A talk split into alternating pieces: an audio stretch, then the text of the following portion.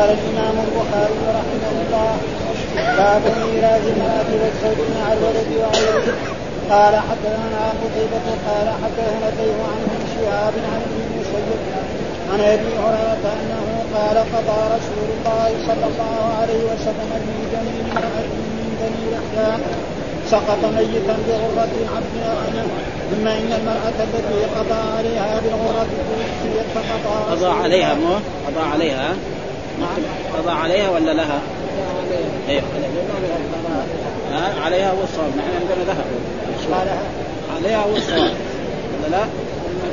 إيه. المقصود يعني أن المرأة الذي قضى عليها. كذا إيه. هذا الصواب. قضى عليها بالغرة توفيت فقضى رسول الله صلى الله عليه وسلم بأن ميراثها لبنيها.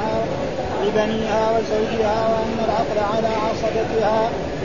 باب ميراث الأخوات مع البنات عصبة قال حدثنا بشر بن خالد قال حدثنا محمد بن جعفر عن شعبة عن سليمان عن إبراهيم عن الأسود. قال قضى بنا معاذ بن جبل على عهد رسول الله صلى الله عليه وسلم. من يسفر الابنة ونصف الأخت قال سليمان قضى فينا ولم يذكر على عهد رسول الله على عهد رسول الله صلى الله عليه وسلم. قال حدثني عمرو بن عباس قال حدثنا عبد الرحمن قال حدثنا سفيان عن أبي قيس عن حسين قال قال عبد الله لاقضين فيها بقضاء النبي صلى الله عليه وسلم للابنة النصف ولابنة الابن السدس. وما بقي فللأخت باب ميراث الأخوات والإخوة. قال حدثنا عبد الله بن عثمان قال أخبرنا عبد الله قال اخبرنا سدة عن محمد بن المنكدر قال سمعت جابر رضي الله عنه قال دخل علي النبي صلى الله عليه وسلم وأنا مريض. فدعا بوضوء فتوضأ ثم نضح علي من فأقمت فقلت يا رسول الله إنما لي أخوات فنزلت آية الفرائض. باب يستفتون تقول الله يفتيكم في الكلالة. ان امرؤ هلك ليس له ولد وله أخت فلها نصف ما ترك وهو يرثها وهو يرثها إن لم يكن لها ولد. فإن كانت اثنتين فلهما الثلثان مما ترك. وان كانوا إخوة رجالا ونساء فللذكر مثل حظ الانثيين يبين الله لكم أن تضلوا والله بكل شيء عليم. قال حدثنا عبيد الله بن موسى عن إسرائيل عن أبي إسحاق عن البراء رضي الله عنه قال آخر آية نزلت خاتمة سورة النساء يستفتونك قل الله يفتيكم في الدلالة باب ابني عم أحدهما اخ بام والآخر زوج وقال علي بزوج نصف. وللاخ من الأم السدس وما بقي بينهما نصفان. قال حدثنا محمود قال أخبرنا عبيد الله عن إسرائيل عن أبي حصين عن أبي صالح عن أبي هريرة رضي الله عنه قال قال رسول الله صلى الله عليه وسلم أنا أولى بالمؤمنين من أنفسهم فمن مات وترك مالا فماله لموالي العصبة ومن ترك كدن ضياعا فأنا وليه فلأدعى له والكل عيال. قال حدثنا أمية بن بسطام قال حدثنا يزيد بن زريع عن الروح عن عبد الله بن طاووس عن أبي عن ابن عباس عن النبي صلى الله عليه وسلم قال ألحقوا الفرائض بأهلها فما تركت الفرائض فلأولى رجل ذكر. يكفي. أعوذ بالله من الشيطان الرجيم، بسم الله الرحمن الرحيم، الحمد لله رب العالمين والصلاة والسلام على سيدنا ونبينا محمد وعلى آله وصحبه وسلم أجمعين، باب ميراث المرأة والزوج مع الولد وغيره. باب يعني في حكم ميراث المرأة والمراد بالمرأة هنا الزوجة يعني ليس كل مرأة مثلا الأم تسمى برضه والمراد هنا بالمرأة والزوج الذي هو مع الولد وغيره. ليش ذكر هذه الترجمة؟ عشان يثبت أن المرأة وأن الزوج دائما يرثان. ما يمكن يعني واحد يحجبهم. ما في حجب لهم أبدا. فالزوج إن ماتت زوجته ما لها ولد يرث النصف. لها ولد يرجع إلى إلى الربع. المرأة إن مات زوجها مع الولد ترث الربعين ها وإذا ذو أولاد لازم. مثلا في في مثلا أم ها تأخذ حقها. هي ما تسقط ابدا مثلا في إخوان في أشقاء في اب هذول هذول قد يسقط هي ما تسقط هذا المقصود بهذه الترجمة. يعني بهذه الترجمة أن يثبت الإمام البخاري أن ميراث المرأة التي هي الزوجة وميراث الزوج ها مع الولد وغيره لا يسقطان سواء كان الميت له ولد فالزوج مثلا إذا كان ماتت الزوجة ولها ولد فالزوج يأخذ إيه؟ الربع. ما لا ما لها ولاد لها هو النصف. كذلك المرأة الزوجة. لا مات زوجها نعم مات زوجها لها مات الزوج وله ولد هي تأخذ الثمن ما لا تدخله مثلا في ورثة آخرين يأخذ حق. مثلا في أم تاخذ حقها. في جدة مثلا في أخوات لأم ياخذها وهي ما تسقط هذا المراد بهذه الترجمة عشان يثبت أن الزوج والزوجة لا يسقطان سواء مع وجود الولد أو مع وجود غيره. فمع وجود الولد يعني بتنقص. ها؟ ومع وجود غيره هذولاك ياخذوا حقهم وهي تأخذ حقها لا تسقط مرة واحدة. هذه مع المراد بهذه الترجمة عشان يثبت هذا. طيب إيش يبغى له؟ دليل. فما هو الدليل؟ قال حدثنا قتيبة بن سعيد حدثنا الليث عن ابن شهاب عن ابن المسيب عن أبي هريرة أنه قال قضى رسول الله صلى الله عليه وسلم في جنين امرأة من بني لحيان سقط ميتا لغره لغره عبد أو أنا. ثم إن المرأة التي قضى عليها للغرة توفيت فقضى رسول الله صلى الله عليه وسلم لأن ميراثها لبنيها وزوجها وأن العقل على عصبتها. فيقول في هذا الحديث عن هؤلاء الأئمة يعني قتيبة وغير ذلك إلى المسيب الذي هو سيد التابعين عن أبي هريرة أنه قضى قضى معنى حكم. ها؟ وقضى ربك ألا تعبدوا إلا إياه. معنى إيه؟ ها؟ هذا.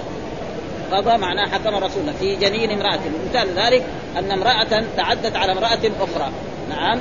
فلما تعدت عليها بالضرب في بطنها أو في أي مكان أسقطت ما في بطنها من الحمل جنين. فلما أسقطت اشتكوا إلى رسول الله صلى الله عليه وسلم أهل المرأة المضروبة هذه والذي سقط جنينها فلما شكوا إلى رسول الله صلى الله عليه وسلم قضى على على المرأة التي تعدت عليها بالضرب أو بغير ذلك أو بدفها أو بغير ذلك بغرة عبد أو أمة. بغرة عبد أو أمة. هذا حكم. فأي إنسان يتعدى على امرأة حامل فتسقط جنينها قبل ولادته فإن يجب عليها إيه؟ أن يعني يكون عبد أو اما يعني ديتها عبد أو اما عبد يعني ذكر أو أما يعني أنثى. ثم هذه المرأة المتعدية الذي تعدت على هذه المرأة ماتت. مو الذي تعدي عليها ها؟ ها؟ ليس المضروبة الضاربة. الضاربة هي الذي ماتت. الضاربة هي التي ماتت فلما ماتت ها؟ فلما ماتت الضاربة فجو يستفتوا ماذا يفعل بها؟ فحكم رسول الله صلى الله عليه وسلم أن على يعني على أن ميراثها هذه لبنيها ولزوجها. مين اللي يرثها؟ بنيها وزوجها عصبتها ما يرث بنيها وزوجها مثلا لو كان لها ابناء عم أو إخوان ما يرث في في لأنه في بنيها وفي زوجها و و وكذلك مين الدية على مين؟ على على العاقلة العاقلة مين؟ العصب مثلا إنسان يتعدى على إنسان أو يقتل إنسان خطأ فإن كان له عصبة، إيش العصبة؟ من يدري بإيه؟ من جهة الآباء. من يدري من جهة الآباء يسمى عصبه، فيجي إيه اعمامه، أبناء عمه، ها اجداده هذول هم يصير وهذا معناه ذلك انه إيه؟ أن أن الميراث يكون لإيه؟ للأولاد وللزوج. وأن العصبه ما لهم شيء، وهم كمان يسلموا إيه؟ يسلموا إيه؟ الدين. والقرآن هذا. وما كان لمؤمن أن يقتل إذا قتل ومن قتل مؤمنا خطأ فتحل رقبه مؤمنه ودية مسلمة إلى أهله إلا أن يصدقوا فإن كان من قوم عدو لقوم. وهذا الخطا، إيش الخطأ؟ قتل الخطا سيأتي بعدين هنا في الحدود وفي الديات هو أن يتعدى إنسان على إنسان بآلة ما تقتل، مثلا يضرب كذا بعضهم كذا ضربة خفيفة. هذه ما تقتل، اما لو أخذ مثلا سهما أو رصاص أو هذا هذا قاتل أو سكين أو غير ذلك هذا لكن تفوا كذا بالارض فطاح ورفعوا ميت هذا يسمى مثلا دعس السيارات الآن في عصرنا هذا يسقط إنسان من أعلى يعني ما ما حد يكون بيعمل أو يعني كان بيعمل ما عليه شيء. أقول يا شيخ بالنسبة المراه هذه اللي مثلا تعدت على الأخرى إيه؟ واسقطت الجنين إيه؟ ماتت قبل أن توفي بالدية. لا الدية أصلا مو عليها على العاقلة. ها؟ يعني هي هي عليها عليها إيه؟ العبد والأمة. ها؟ هي عليها إيه؟ العبد والأمة. ها؟ وال وال وال والدية على مين؟ على العاقلة، مين العاقلة؟ العصبة. توفيت قبل أن تفي بالعبد إيه ما إيه ما يعني يمكن هذا. ها؟ فدائما الدية دائما. فإذا ما وجد عاقلة تضيع عليه. يعني دحين في عصرنا هذا كثير ناس ما عندهم ها؟ كثير ناس يتعدى على إنسان بالقتل خطا في تحت السياره مين يصير؟ على مين؟ عليه هو. عليه هو ها؟ ما وجد إيه؟ ما وجد عصر فإذا ما وجد عصر ينتقل إليه. واما إذا وجد عصر خلاص عليه. هو هي اللي الدية بس اللي مات إيه؟ هي من هذه الدية ماتت قد وماتت باسم المال إيه وهذا ما لا هي إيه ما لا هي إيه, إيه؟ الغرة والعبد عليها هي. الغرة والعبد عليها هي المرأة. ها؟ الذي تعدت على على على هذه الذي ضربتها نعم فاسقطت جنينها. إيش ال ال هذا؟ عبد أو أنا؟ يعني واحد منهم إما عبد وإما أنا. هذا دية الجنين. دية الجنين. لو طيب. لو توفيت قبل أن تفي بال- بالعبد إيه؟ أو الامه إيه؟ إيه؟ تقوم العاقلة بال إيه؟ لا ال- ال- العاقلة تكون بالدية. هي لها مال. ها لها مال. يعني العبد والأمة عليها هي. أو على من مالها. إذا ماتت هي مالها موجود. أو ورثتها هذول يسلم. مثلا لو فرض هي ماتت وما سلمت هذا يلزم من على على الأبناء حقه على الأب وزوجها. من مالها لأنه عندها مال. ها. هذا معناه. فإيش ما يعني يريد الإمام البخاري بهذا؟ يثبت ان أن الزوج والزوجة يرثان دائما. ولذلك قال إيه؟ مع مع الولد وغيره. مع الولد معروف. إذا كان في ولد دغري الزوج يعني في ولد ينتقل من النصف إلى الربع ربع كذلك المرأة الزوجة إذا مات زوجها وله ولد تنتقل إلى إيه؟ إلى السنة ما له ذلك أخذ الربع. طيب لو فرض مثلا مات الزوج وله أم وله ولد. المرأة الزوجة ترث. كذلك مثلا مرأة ماتت ولها أب أو لها جد ها؟ الزوجة تأخذ حقها. ما يعني ما تصل هذا ما يريد بهذه الترجمة الإمام البخاري يثبت أن الزوج والزوجة يعني دائما يرثان ولا ينقص يعني إنما قد ينقص ميراثهم. ها قد ينقص الميراث. فإذا مات الرجل الرجل مات الزوج وترك زوج آه مات الزوج وترك زوجة. فإن كان للزوج هذا ولد تغري هي تأخذ إيه؟ الثمن ما له تأخذ الربعي هي هي إذا ماتت وكان مثلا الزوج لها أولاد يأخذ هو الربع ما لها أولاد طيب فرض إنه له- أم. الأم تأخذ حقها. هي ما ما, يقول لها روحي مالك شيء. روحي مالك شيء هذا ما في الزوج والزوجة. بس هذا ما يريد يريد هذه الترجمه لأن في ناس يموت أكبر الناس ولا يحصل شيء. مثلا في أب وفي جد.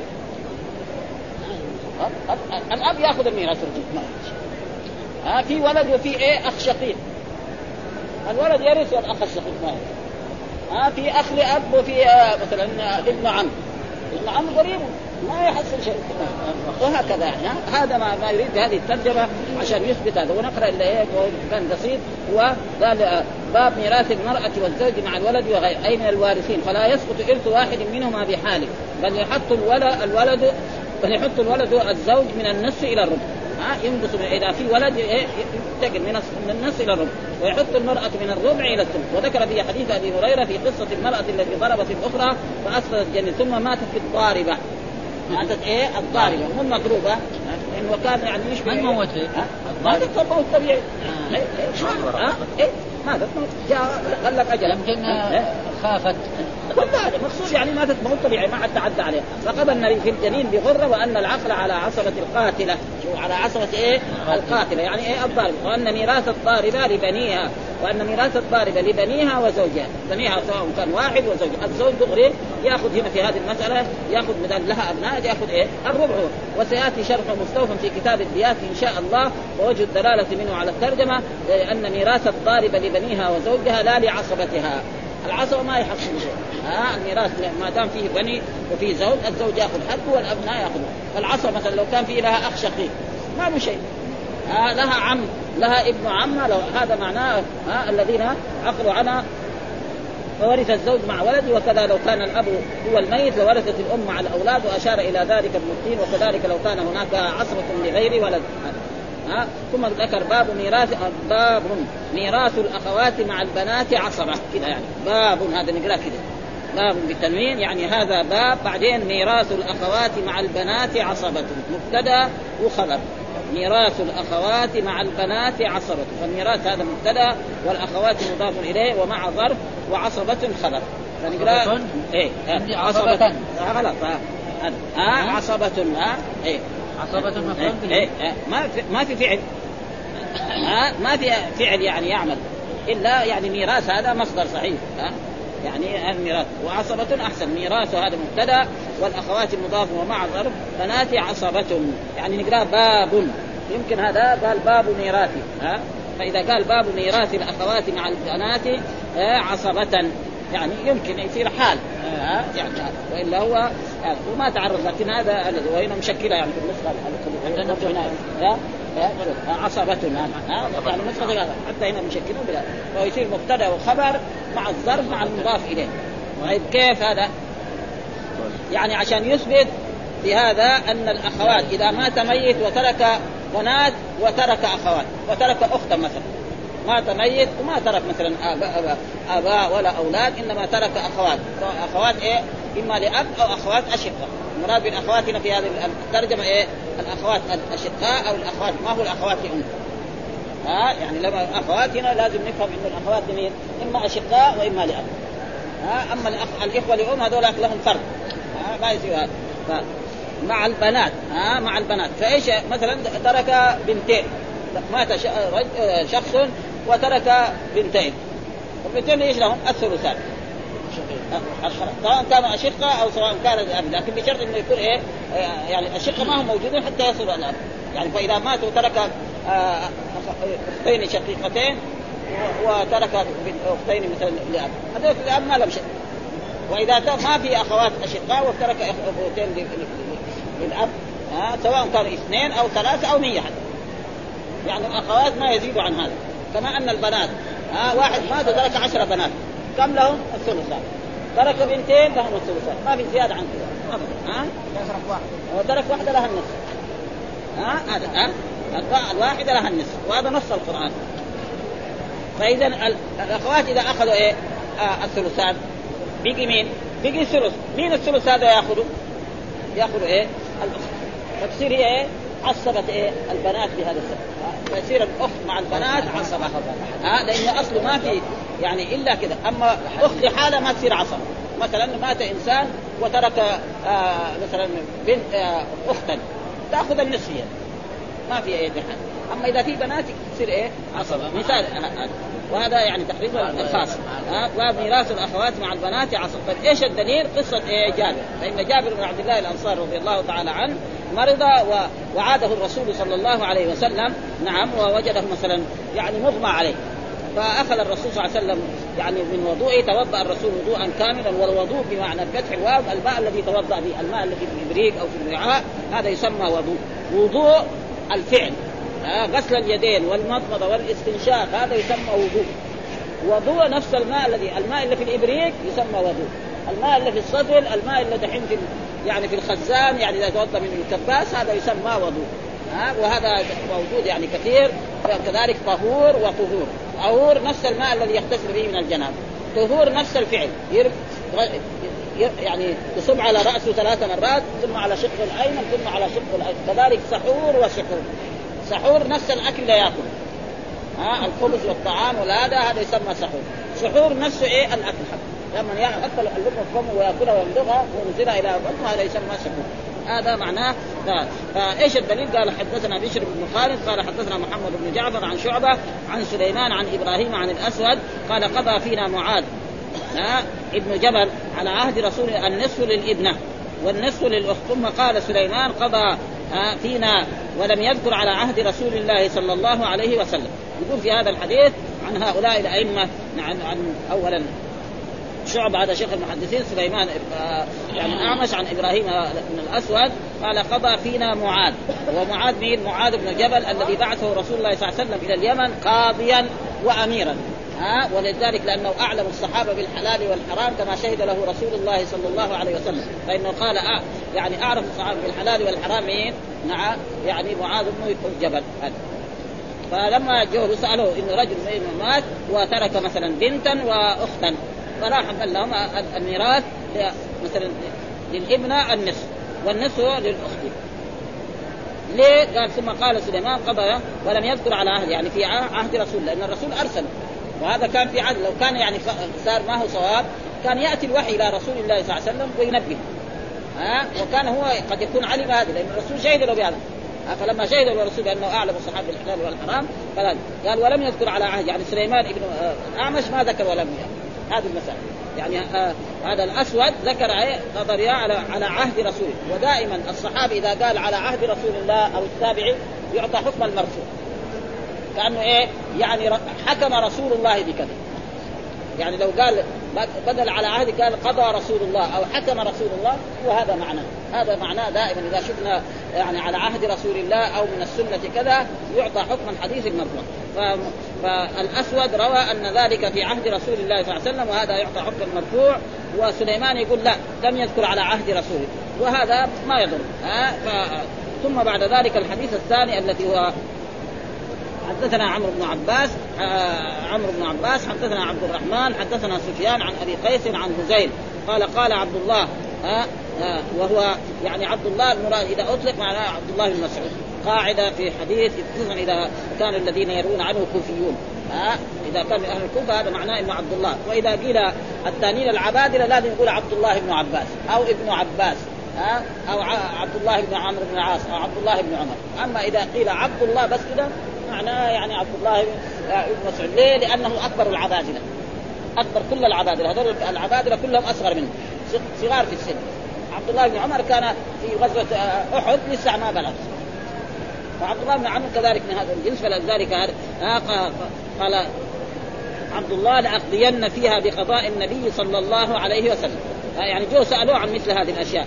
إيش؟ في هذه الآية. يعني مات رجل وترك بنتا وأختا.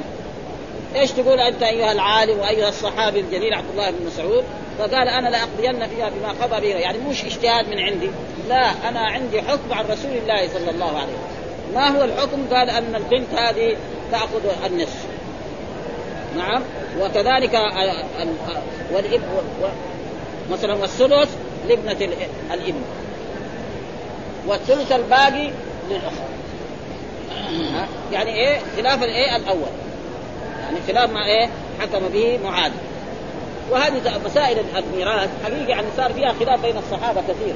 آه بعد ذلك بعد ما راح الصحابة وجو العلماء بعدهم تحقق الأشياء فبعضهم أخذ بكذا وبعضهم أخذ بكذا وكلهم تقريبا يرجعوا إلى إيه؟ إلى الصواب. فدحين يعني لأن هنا ما ذكر عن الابن آه النصف للإبنة والنصف للأخت. ما جاب ابن الابن ولكن هنا في هذا الحديث الثاني جاب أن النصف لإيه؟ نعم للبنت للإبنة. و... والابن الابن الثلث يصير ثلثان ويبقى إيه؟ الباقي الذي هو الثلث يقول إيه؟ للأخت. فيصير إيه؟ الأخت مع إيه؟ مع البنات عصبه هذا عشان يثبت هذا أن أن الأخت مع البنات إيه؟ سواء كانت بنتا واحدة أو بنتان أو ثلاثة أو عشرة أو أربعين ها ما يعني ما البنات ما يزيدوا عن ثلاث ثلثان. فإذا بيجي مثلا يعني كان مثل هذه الفريضة فيصير مثلا هذا ياخذ بنتين هي تأخذ الثلث. ولو كان على التقسيم الأول هذا هذا ما يريد في إيه؟ في هذا عشان يثبت أنهم عصبة ها؟ أن أن الأخوات مع البنات عصبه ها؟ هذا وهذا تقريبا متفق عليه ها؟ والقرآن نص على هذا. فين نص القرآن؟ في يوصيكم الله في أولادكم للذكر مثل حظ فان كن نساء فوق اثنتين فلهن الثلثان وإن كانت واحدة فلها النصف.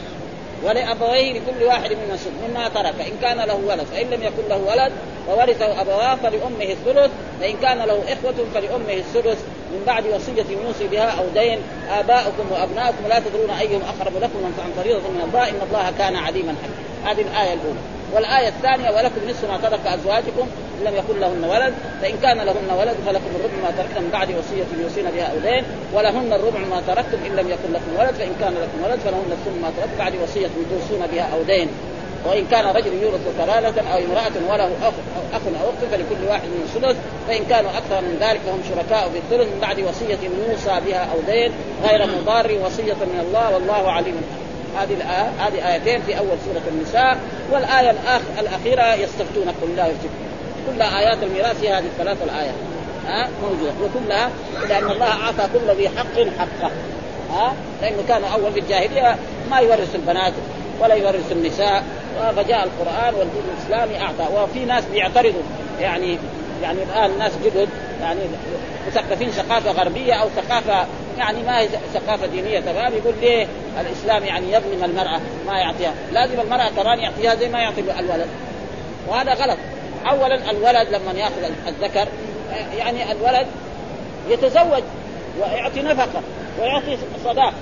المرأة له تتزوج تأخذ صداق ويسكنها الرجل ها وينفق عليها. فمن الإنصاف إيه؟ يعطى الذكر. هذيك إيه؟ ابدا تاخذ الصداق أبدا. وكذلك ينفق عليه. فكان فهذا عدل. ولذلك أعطى للذكر مثل حظ الأنثى. ما في اعدل من الرب سبحانه وتعالى. وأي واحد انتقد هذا فهو غلطان جدا. وقد يؤدي يعني إذا كان تصمم على هذا يمكن يؤدي إلى الردة. ارتد عن الإسلام. فهذا آية. يقول هذا قال ابن بطال أجمع على أن الأخوات عصرة البنات فيرثن ما فضل عن البنات. فمن لم يخلف إلا بنتا واختا فللبنت النصف وللأخت النصف. الباقي على ما في حديث معاذ. فإن خلف بنتين وأختا فلهما الثلثان ها وللأخت ما بقي. وإن خلف بنتا وأختا وبنت ابن يعني خلف يعني أمثلة من جملة. وإن خلف بنتا وأختا وبنت ابن فللبنت النصف.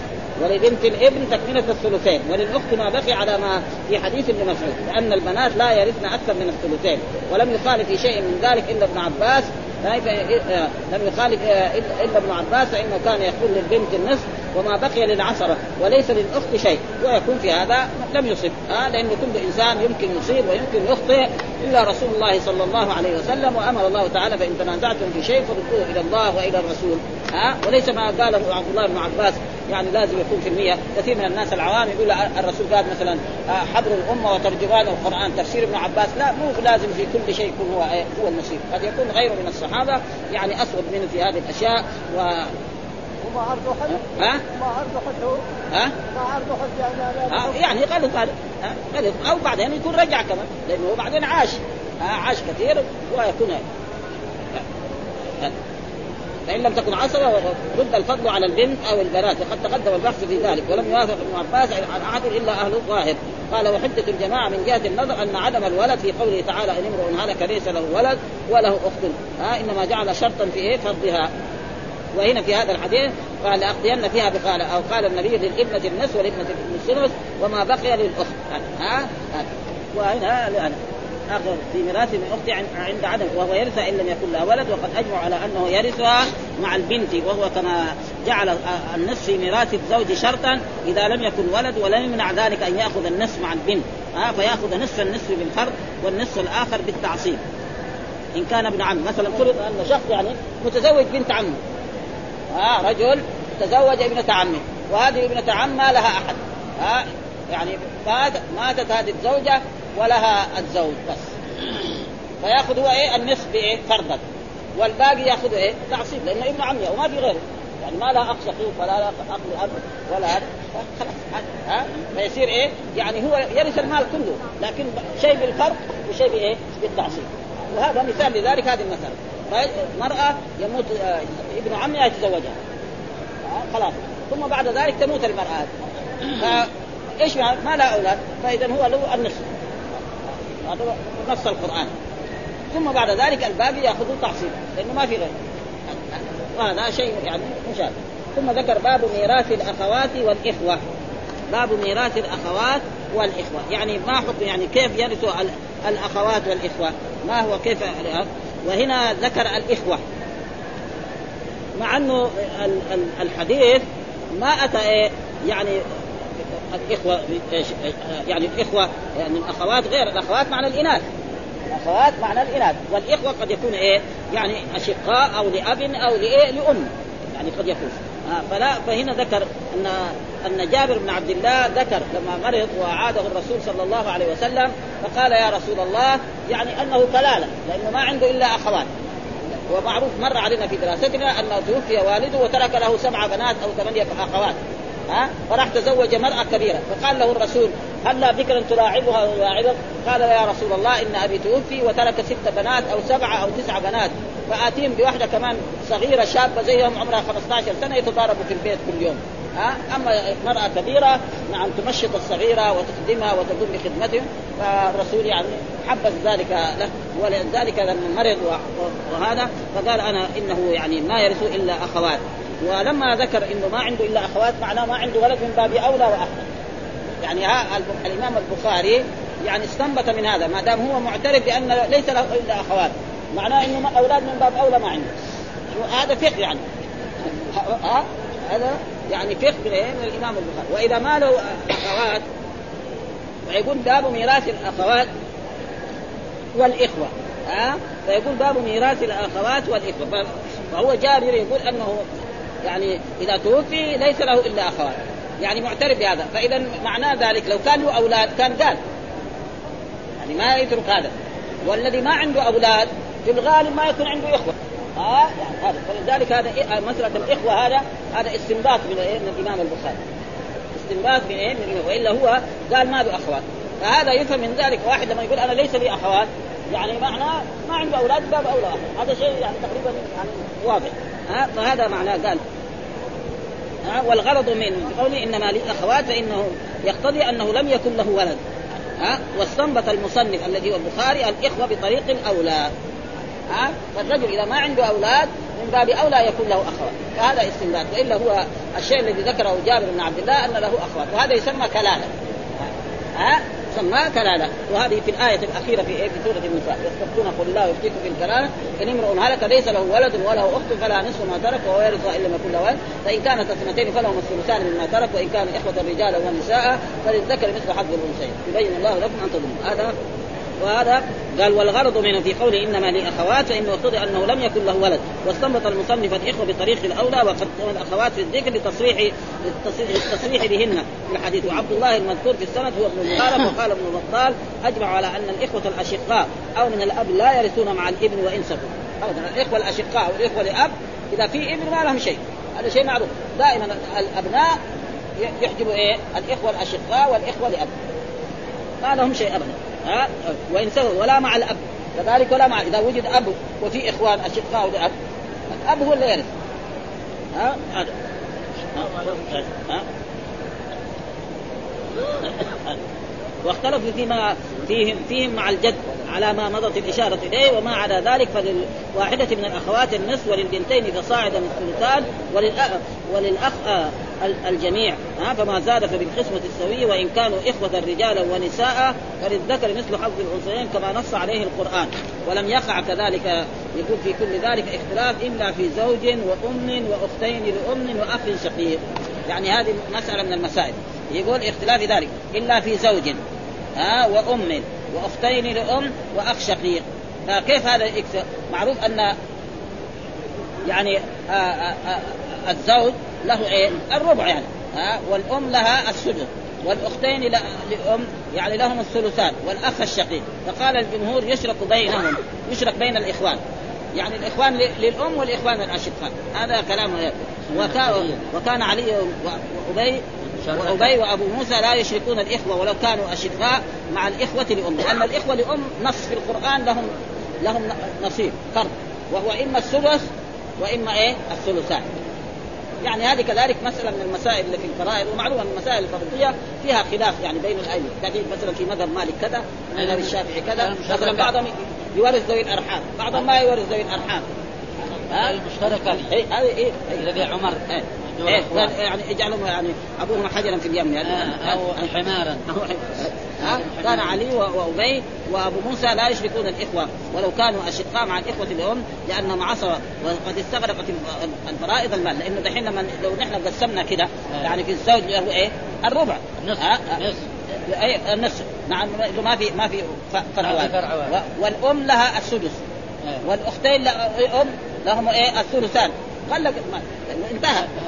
ثلث ثلث الاختين إيه الثلث إيه. الاختين لهم الثلث طيب ما باقي شيء.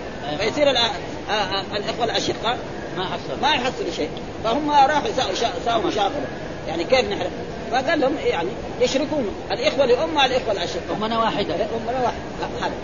هذه. هذه المسائل هناك في كتب الفرائض يعني وهذا معناه لأنه دحين الزوج له النصف تمام. والأم لها الثلث والأختين لأم لهم الثلثان. الأخ الشقيق ما له ما له شيء. ما بقي ما, ما بقي شيء إذا ما بقي شيء يجيب له آه فبعض العلماء قالوا إيه نجعلهم مثلا كلهم اخوان لأم.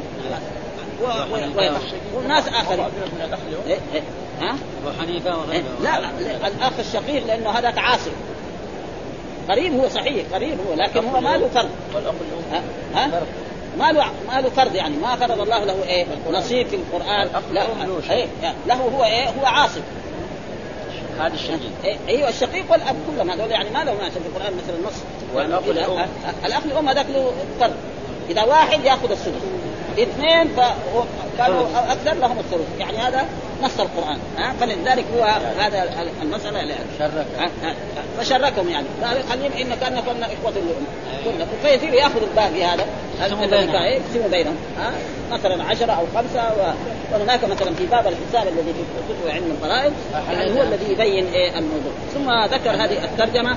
باب باب يستفتونك قل الله يفتيكم في الكلالة إن امرؤ هلك ليس له ولد وله أخت فلها نصف ما ترك وهو يرث إن لم يكن له ولد. فإن كانت اثنتين فلهما الثلثان مما ترك وإن كانوا إخوة رجالا ونساء فللذكر مثل حظ الأنثيين. يبين الله لكم أن تضلوا والله بكل شيء عليم. وهذه هي الآية يستفتونك يستفتون يعني يطلبون منك الفتوى. آه، يستفتونك معناه يطلبون منك دائما السين والتالي إيه؟ يعني. آه، يستفتونك. يعني زي ما يقول استخرج آه، السين للطلب يستفتون يطلبون منك إيه الفتح قل الله يفتيكم الله يفتيكم يعني يعطيكم الحكم في الكلالة، إيش الكلالة؟ الكلالة أن يموت إنسان ولا يترك لا أبا ولا ولدا. هذا هو الكلالة. ها إيش معنى الكلالة في علم الميراث ومرتين ذكرها في القرآن، ذكرها في هذه الآية اللي في الأخير وذكرها في الآية التي في الأول. ها وهي قول الله تعالى يوصيكم الله في أولادكم للذكر مثل حظ الأنثيين فإن كن نساء فوق اثنتين فلهن ثلث ما ترك وإن كانت واحدة فلها النصف ولابوين كل واحد من ثلث ما ترك ان كان له ولد فإن لم يكن له ولد وورثه أبواه فلأم الثلث ان كان له اخت فلأم الثلث من بعد وصية يوصي بها أو دين آباءكم وأبناءكم. في الآية الثانية ولكم نصف ما ترك أزواجكم إن لم يكن لهن ولد فإن كان لهن ولد فلكم الربع ما تركتم بعد وصية يوصين بها أو دين ولهن الربع ما تركتم إن لم يكن لكم. فان كان لكم ولد فلهن الثلث ما تركتم بعد وصية توصون بها وإن كان رجل يورث كلاله أو امرأة وله أخ أو أخت هذا. إيش معنى الكلالة؟ هو هذا يعني أن يموت شخص ولا يترك فرع وارث ولا يترك إيه أصلا ابدا هذا معناه ال- الكلالة في إيه؟ قالوا في الكلال إيش هو ان امرؤ هلك؟ إيه هلك ومات لفظان مترادفان ها يعني مو زي بعض الناس العوام يقول قال ما يقول هلك إلا واحد نصراني أو يهودي والقرآن نص على يوسف عليه السلام حتى إذا هلك. قلت لن يبعث الله من بعده رسولا. فهلك ومات لفظان مترادفان ما في فرق بينهم. ها؟ لكن في ناس يعني دائما يعبر زي علم الميراث. ما يقولوا مات ميت. أغلب هلك هالك. يعني هذا أمثلة دائما كذا دائما وهلك ومات مات لفظان مترادفان فهنا قال هلك. ها؟ ليس له ولد وله أخت. يعني الآية قال ليس له ولد وله لكن معناه كمان ليس له إيه؟ أب. ها؟ وله أخت فلها نصف. يعني يموت إنسان وليس له ولد وليس له أصل يعني أب. ها؟ فالأخت إيه لها النصف. تأخذ النصف. ها؟ مما ترك وهو يرث ماتت الأخت و- وتركت أخا لها. إيه؟ ما في غيره. ما عندها أحد. لا عندها أولاد ولا عندها هو يأخذ المال كله. عاصم ها؟ هذا وهو يرث ها؟ وهو يرجع إن لم يكن له فإن كانتا اثنتين. يعني كانت إيه؟ الأختين اثنتين فلهما الثلثان مما ترك. وإن كانوا إخوة رجالا ونساء يعني كانوا مات وترك إخوة الرجال. فللذكر مثل حظ الانثيين خلاص للذكر مثل حظ يعني مات شخص وترك أخ آه، شق- آه، شقيق أو أخ أب وترك مثلا أختا أو أختين أو ثلاثة فللذكر هذا إذا أخذ اثنين هي تأخذ واحد. هذا هي أخذ عشرة هي تأخذ ع- خمسة وهكذا. فللذكر. ليش قال يبين الله لكم أن تضلوا والله بكل شيء. ولأجل ذلك يعني ما في أحسن من تقسيم الرب سبحانه وتعالى فأعطى كل ذي حق حقه ولا وصية لوارث وهذا معناه يقول. ها في حديث البراء من طريق آه، إنما نزلت خاتمة سورة النساء يستغفر الله ويفتيكم في الكلام وأراد بذلك ما فيها من التنصيص على ميراث الإخوة. وقد أخرج أبو داود في المراسيل من وجه آخر عن أبي إسحاق عن أبي سلمة بن عبد الرحمن جاء رجل فقال يا رسول الله ما الكلالة؟ قال من لم يترك ولدا ولا والدا. هذا معنى الكلالة يموت ولا يترك لا ولد ولا ورثته كلالة. ها الذي يرثون هذا يسمى ووقع في صحيح مسلم عن عمر أنه خطب ثم قال إني لا ادع بعدي شيئا أهم عندي من الكلالة. وما راجعت رسول الله صلى الله عليه وسلم ما راجعته في الكلالة حتى طعن باصبعه في صدري. فقال ألا يكفيك آية, آية النصف التي في آخر سورة النساء وقد اختلف في تفسير الكلال والجمهور على أنه من لا ولد له ولا والد. واختلف في بنت وأخت. هل ترث الأخت مع البنت؟ ها وكذا في الجد. هل ينت... يتنزل منزلة هل يتنزل منزلة الأب؟ ولا ترث معه الإخوة؟ قال السهيلي الكلالة من الإكليل. المحيط يعني المحيط بالراد لأن الكلالة ورثت ورثته و... و... وارثة تكلل تكللت العصرة أي أحاطت بالميت من الطرفين وهي مصدر كالقرابة وسمي أقرباء الميت كلالة بالمصدر كما يقال هم قرابة أو ذو قرابة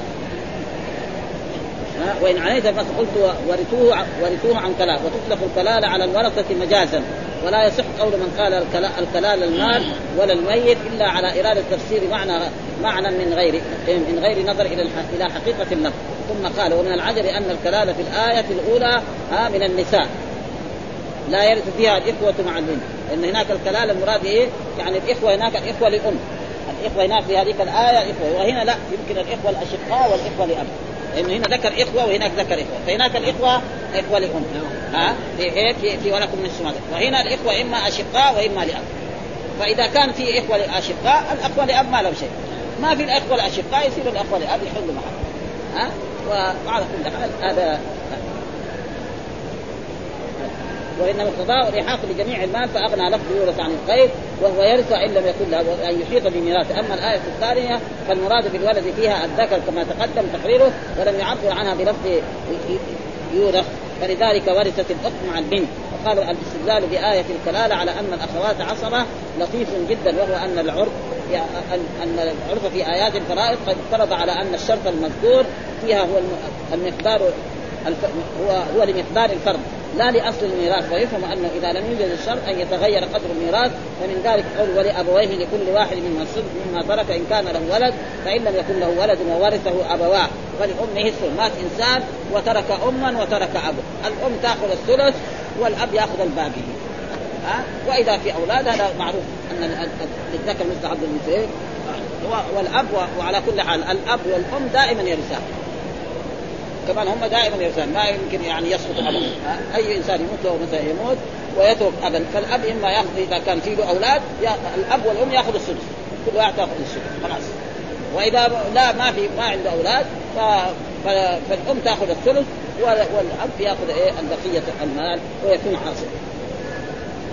تغير القدر ولم يتغير أصل الميراث. يعني كما أن الزوج والزوجة ما ما يسقط ميراثا ابدا.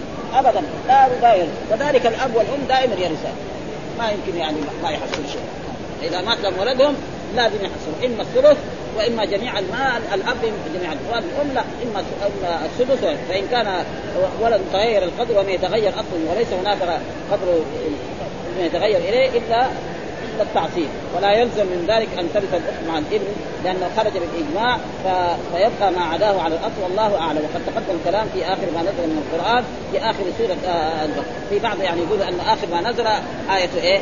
يعني الدين أو آية الربا. ومنهم من يقول آه يعني آه اليوم أكملت أكثر العلماء يقول اليوم أكملت لكم دينكم واكملت عليكم نعمتي ورضيت لكم الإسلام. دينا هذه في الآيات التي فيها الأحكام.